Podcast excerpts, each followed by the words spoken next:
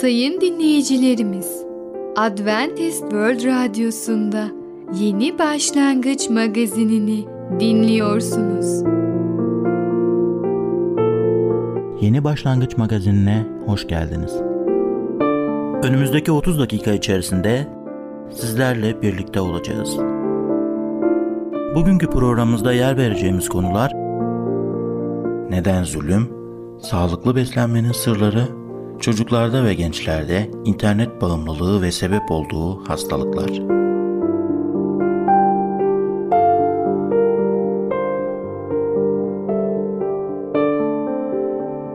Adventist World Radyosu'nu dinliyorsunuz. Sizi seven ve düşünen radyo kanalı. Sayın dinleyicilerimiz, bizlere ulaşmak isterseniz e-mail adresimiz radio.umutv.org radio.umutv.org Bizlere WhatsApp yoluyla da ulaşabilirsiniz.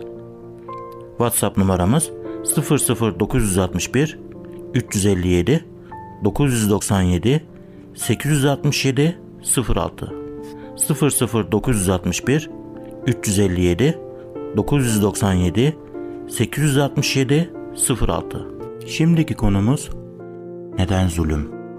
Zulmün sebebi nelerdir? Merhaba değerli dinleyicimiz. Bereket Dağı'ndan Düşünceler adlı programa hoş geldiniz. Ben Tamer ve Ketrin.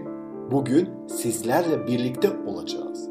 Bugünkü konumuz neden zulüm? Ketrin Hanım, sizin acıyla ilgili aranız nasıl? Çocukluğunuzda böyle bir şey, bir hikaye aklınıza geliyor mu? Acıdan çok korkarım. Yani canım acıdığı zaman çok hoşuma gitmiyor. E, tabii anlık bir panik halinde olduğu zaman daha da korkmuş oluyorum. Fakat canım acıdığı zaman kime koşarız? Ya anneye, annem yoksa tabii ki babaya. Ama anne her zaman yardımcı olur ve acısını gidermesine yardımcı oluyordu. Evet, ben de size bir olay anlatacağım, bir hikaye. Evde kedimiz var. Şimdi bu kedi çok oynamayı seviyor. Bahçeyi çekiyor, evin içine giriyor. Böyle bir oynamayı böyle canlı, içi içine sığmıyor. Hep oyun peşinde. Tabii bahçeli ev olunca biliyorsunuz ki kuşlar oluyor, başka şeyler oluyor. Bir gün bir baktım ki kedi pençesiyle, tırnaklarıyla bir tane bülbül kuşu yakalamış. Bülbül kanatları açmaya çalışıyor. Kedi onu vuruyor, vuruyor, vuruyor, vuruyor. Uçmasını, kaçmasını izin vermiyor. Tırnaklarıyla da öyle pençesiyle yakalamış ki kaçış yok. Vay ne yapacağız? Ben hemen koştum. Kedinin tırnaklarından, pençesinden bülbülü aldım. Zar zor aldım.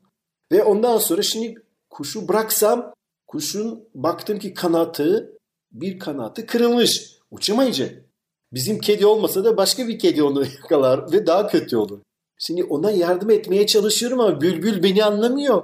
Vuruyor vuruyor vuruyor kanatlarıyla kaçmaya çalışıyor. Ya nereye kaçacaksın? Yem olacaksın, öleceksin. Yok anlamıyor. Korkmuş. Kediden bir kere korkmuş, bir şok yaşıyor. İkinci kez ben onu tutuyorum, benden de korkuyor. Ama ne yapacak? Kuş sonuçta benim anlamıyor. Ne ona yardım etmek istediğimi anlamıyor. İkinci bir olay. Sizin gibi çocukluğunuzda bir gencecik bir kız hastalanıyor. Biliyorsunuz ki soğuk gelince veya dondurma yiyince ve başka cereyanda kalınca insan soğutabiliyor boğazını ve sonuçta öksürmeye başlıyorsun, nezle oluyor, bademciklerin şişiyor. Doktora gideceksin. Baba kızına söylüyor. Kızım doktora gitmek lazım. Kız da doktordan korktuğu için, iğneden korktuğu için babacım babacım diye sarılıyor babasının boynuna. İstemiyorum, hayır doktor istemiyorum, doktor istemiyorum derken daha fazla ve daha fazla babasının boynuna sarılıyor. İki olayda da korku var. Acıya olan korku. Birisi o bülbül kuşu korkuyor. Diğerinde küçücük kız doktora gideceğinden dolayı korkuyor. Ama tepki farklı. Bülbül bir an önce kurtulmak istiyor, kaçmak istiyor. Ölüme belki de gidiyor. Kesin ölüme gidiyor. Ama kaçmak istiyor korkudan. Diğer taraftan korku var. Acı olacak. Doktor muhtemelen iğne olacak, vuracak veya başka bir şey yapacak. ilaç verecek.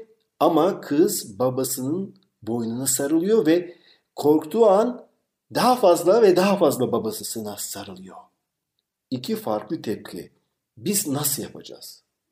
Bizim acıya karşı, zulüme karşı, korkularımıza karşı tepkimiz ne olacak?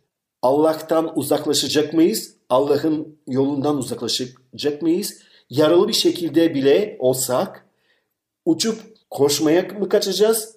Kesin ölüme gitsek bile veya bu küçücük kız gibi babamıza mı sarılacağız? Daha fazla ve daha fazla ve daha fazla. Yani yüce yaratanı, yüce Allah'a mı daha fazla yaklaşacağız? Ve diyeceğiz Allah'ım yardım et, yardım et, yardım et. Korkuyorum, acı var ama yardım et. İşte iki farklı tepki söz konusu. Allah'tan uzaklaşmak veya Allah'a daha yakın gelmek. Bakın bu konuda Matta 10. bölüm 22. ayette şöyle diyor Efendimiz İsa Mesih. Benim adımdan ötürü herkes sizden nefret edecek. Ama sonuna kadar dayanan kurtulacaktır. Matta 24. bölümde 9. ayette de şöyle söylemektedir. O zaman sizi sıkıntıya sokacak, öldürecekler. Benim adımdan ötürü bütün uluslar sizden nefret edecek. Yuhanna 15. bölümde 19. ayette bakın ne söylüyor. Dünyadan olsaydınız, dünya kendisine ait olanı severdi. Ne var ki, dünyanın değilsiniz. Ben sizi dünyadan seçtim. Bunun için dünya sizden nefret ediyor. 1. Yuhanna 3. bölümde 13. ayette şöyle söylüyor. Kardeşler, dünya sizden nefret ederse şaşmayın. 2. Timoteus'un mektubunda 3. bölüm 12. ayette Mesih İsa'ya ait olan olup Tanrı yoluna yaraşır bir yaşam sürmek isteyenler hepsi zulüm görecek. Çok güzel ayetler okuduk. Demek ki ne yapacağız? Bizim Yüce Allah'ın gösterdiği yoldan yürüyorsak muhakkak bir tepki göreceğiz. 1. Yuhanna sizin dediğiniz gibi 3. bölümde ne diyor? Kardeşler dünya sizden nefret ederse şaşmayın. Sonuçta Allah'ın yolu ve Allah'ın kelamı bize adaleti, doğruluğu gösteriyor. Ama dünya maalesef adaletten ve doğruluktan uzak duruyor. Allah'ın evrensel on emirlerinden uzak duruyor. Ve böylece insanlar bu yoldan yürüyen kişilere karşı tavır gösteriyorlar, baskı yapıyorlar ve birinci asırda ve ikinci asırda olduğu gibi insanlar ölüme kadar gidebiliyor. Herkes özgürce kendi seçimini yapacak.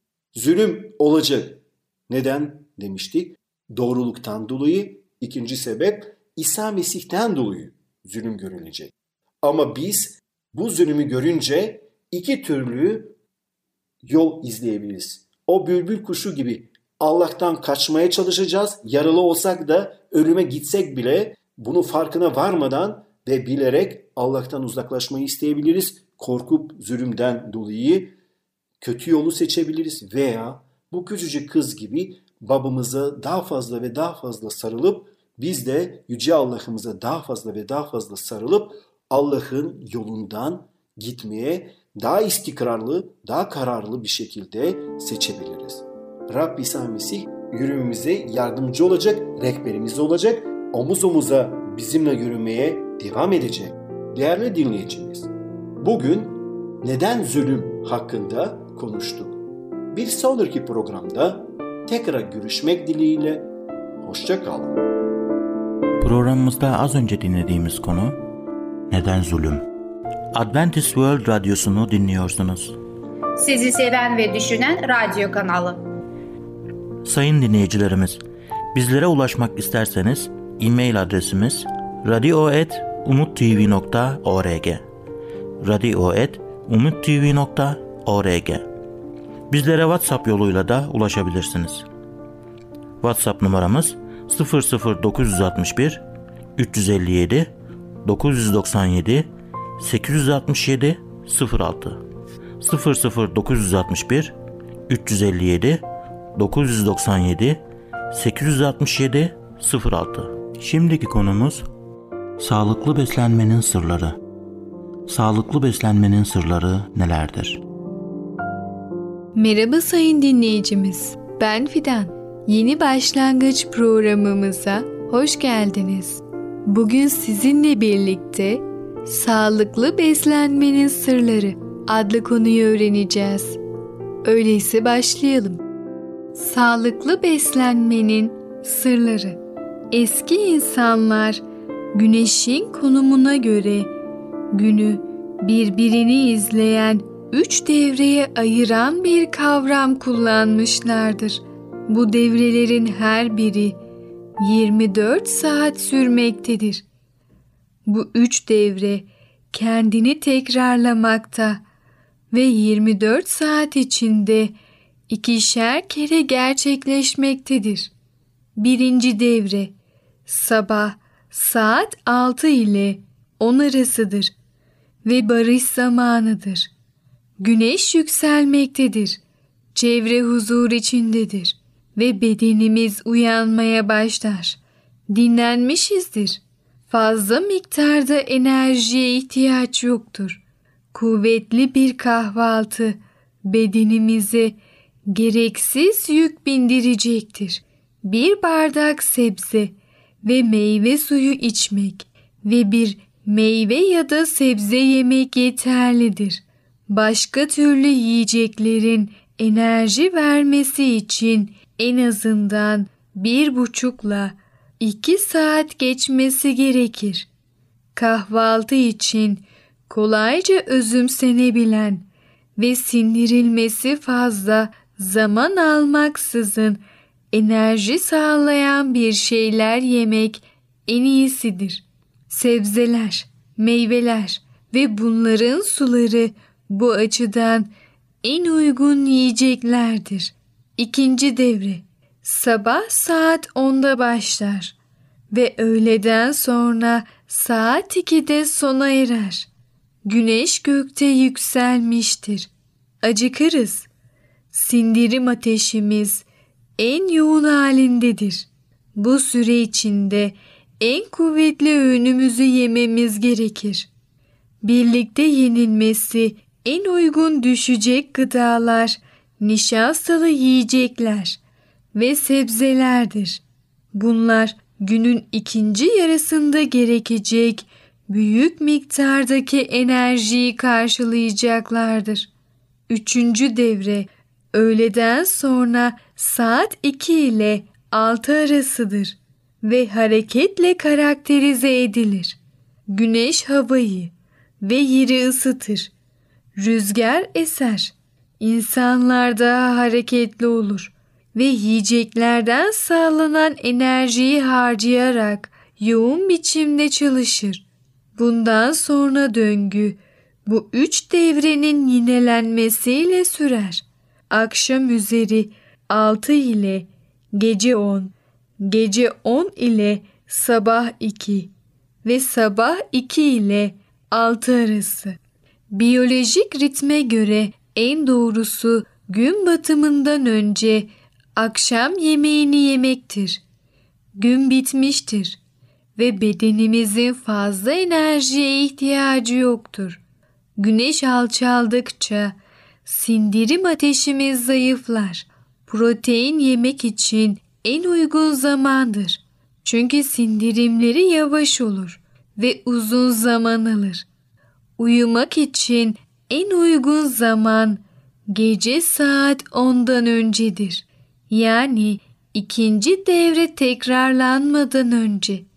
Aksi halde yeniden acıkırız ve buzdolabına doğru çekiliriz. Ancak bedenimizdeki organların da bir çalışma programı vardır. Sindirim organları sabah ve öğleden sonra etkindir. Akşam ve gece ise boşaltım organlarımız görevlerini yaparlar. Organlarımızın bu programı gece yemek yememiz halinde bozulur. Sindirim organları boşaltım organlarına gerekli olan enerjinin bir kısmını alır. Böyle olduğu halde sindirim tam anlamıyla yapılamaz ve sümüksü madde, toksin ve yağ birikimleri meydana gelir. Gece yemek yemek, karaciğer ve böbrek taşlarına, uykusuzluğa, bağışıklık sisteminin güçten düşmesini ve sinirsel rahatsızlıklara yol açmanın emin bir yoludur. Doğanın yasalarına saygıda kusur etmek, yaşamsal işlevlerin zayıflaması ve kronik hastalıklar biçiminde cezasını bulur. Eğer gündelik faaliyetlerimiz için çok fazla enerji istiyorsak, üçüncü devre başlamadan önce yani sabah saat 6'dan önce kalkmamız gerekir. İlk devrede uyanmak, sabah 6 ile 10 arası yani kendimizi bütün gün yorgun ve bezgin hissetmemize neden olur. Unutmayın, erken kalkan yol alır. Şu tavsiyelere uymak da hayatınızı kolaylaştırır. Sabah 5-6 arasında kalkın. Ağzınızı çalkalayın. Bir kaşık bal karıştırdığınız yarım bardak kaynak suyu, maden suyu veya buzdan çözülmüş suyu için yüzünüzü yıkayın ve dişlerinizi fırçalayın ve sonra duş alın. Bu şekilde güne başlayabilirsiniz. Evet sayın dinleyicimiz, Sağlıklı Beslenmenin Sırları adlı konumuzu dinlediniz. Artık siz de nasıl beslenmeniz gerektiğini biliyorsunuz. Tavsiyelerimize uyarak size bahşedilen bedeni koruyun. Bir sonraki programımızda tekrar görüşene kadar kendinize çok iyi bakın ve sağlıcakla kalın. Programımızda az önce dinlediğimiz konu Sağlıklı Beslenmenin Sırları. Adventist World Radyosu'nu dinliyorsunuz. Sizi seven ve düşünen radyo kanalı. Sayın dinleyicilerimiz, bizlere ulaşmak isterseniz e-mail adresimiz radio.umutv.org radio.umutv.org Bizlere WhatsApp yoluyla da ulaşabilirsiniz. WhatsApp numaramız 00961 357 997 867 06 00961 357 997 867 06 Şimdiki konumuz çocuklarda ve gençlerde internet bağımlılığı ve sebep olduğu hastalıklar. İnternet bağımlılığında en sık görülen hastalık hangisidir? Merhaba sevgili dinleyicilerimiz. Çocuk Eğitimi adlı programımıza hoş geldiniz. Ben Müberra. Bugün sizlere çocuklarda ve gençlerde internet bağımlılığı ve sebep olduğu hastalıklardan bahsedeceğim. Evet sevgili dinleyicilerimiz, bilgisayar ve internet kullanımının yaşamımızda sağladığı kolaylıklar saymakla bitmiyor. Ancak bilgi akışını hızlandıran, iletişimi kolaylaştıran sanal alimin yeni psikolojik, sağlık ve sosyal problemleri de gündeme getirdiği bir gerçek. Ebeveynler bilgisayar ve internet kullanımına çocukları için yeni eğitim fırsatları sunan heyecan verici bir dünya olduklarını düşündükleri için ilk başta sıcak bakmışlardı. Ancak çoğu ebeveyn çocuklarının bilgisayarı ödevleri veya araştırma için kullanmadığını fark etti. Bunun yerine çocuklar arkadaşlarıyla anlık ileti gönderip alarak çevrim içi oyunlar oynayarak veya sohbet odalarında yabancılarla konuşarak saatler geçirmeye başladı. Özellikle okul çağındaki gençlerde oldukça sık görülen bilgisayar ve internet kullanımının gençlerin psikolojik ve bedensel gelişimlerini, sosyal ilişkilerini olumsuz yönde etkileyerek hem akademik hem de kişisel gelişimlerinde negatif sonuçlara neden olduğu görüldü. Tanım olarak bilgisayar internet bağımlılığı tüm dünya için yeni bir kavram. İnternetin aşırı kullanılması, isteğinin önüne geçilememesi, internete bağlı olmadan geçen zamanın önemini yitirmesi, yoksun kalındığında ise aşırı sinirlilik hali ve saldırgan olunması, bilgisayar ve internet bağımlılığının en basit tarifidir. Avrupa Birliği'nin geçtiğimiz aylarda yayınladığı bir raporunda internet bağımlılığı kavramını destekliyor. Avrupa Birliği araştırmasında günde 4 saatten fazla sanal alemde surf yapan kişilerde tıpkı kumar bağımlılarında olduğu gibi beyinde insanın kendisini iyi hissetmesini sağlayan adrenalin benzeri bir kimyasal olan dopamin birikmesi meydana geldiği tespit edildi. İnternet bağımlılığı diğer bazı psikolojik bozuklukları da alevlendirdiğini tüm hastalarının en az bir eşlik eden ek hastalığının olduğu saptanmıştır. Bunlar depresyon, sosyal fobiler, uyarı kontrol bozuklukları, dikkat bozukluğu en sık görülenlerdi. Birçok hastanın diğer bir madde bağımlılığı da mevcuttu. Daha sosyal bir tanımlama ile bağımlılığı anlatmak gerekirse, birey ve nesne arasında bireyin seçimi ile başlayan aynılık ve süreklilik özelliğini taşıyan boyutlu bir ilişki olarak tanımlanmıştır. Bu ilişki her ne kadar bireyin özgür iradesi ile başlamış ise de bireyin özelliği zaman içinde ortadan kalkmaktadır. Bağımlılığın gelişmesiyle ortadan kalkmaya başlayan özellik, bireyin daha önce dağarcığında bulunmayan yeni tür tutum ve davranışlar edinmesine yol açar. Bu tanımdan da anlaşılacağı gibi bağımlılık başlangıçta bireysel olmakla birlikte sorunların ortaya çıkması ve artması ile içinde bulunulan toplumu da etkilemektedir. Bu noktadan hareketle özellikle genç yaştaki bireylerin aşırı ve uygunsuz bilgisayar ve internet kullanımına karşı bilgilendirilmesi, oluşması muhtemel sorunları azaltacaktır. Evet sevgili dinleyicilerimiz, bilgisayar kullanımının yarattığı sağlık sorunları da şunlardır. Uzun süreli bilgisayar kullanımının neden olduğu sağlık problemleri az çok tüm kullanıcılarda görülmektedir.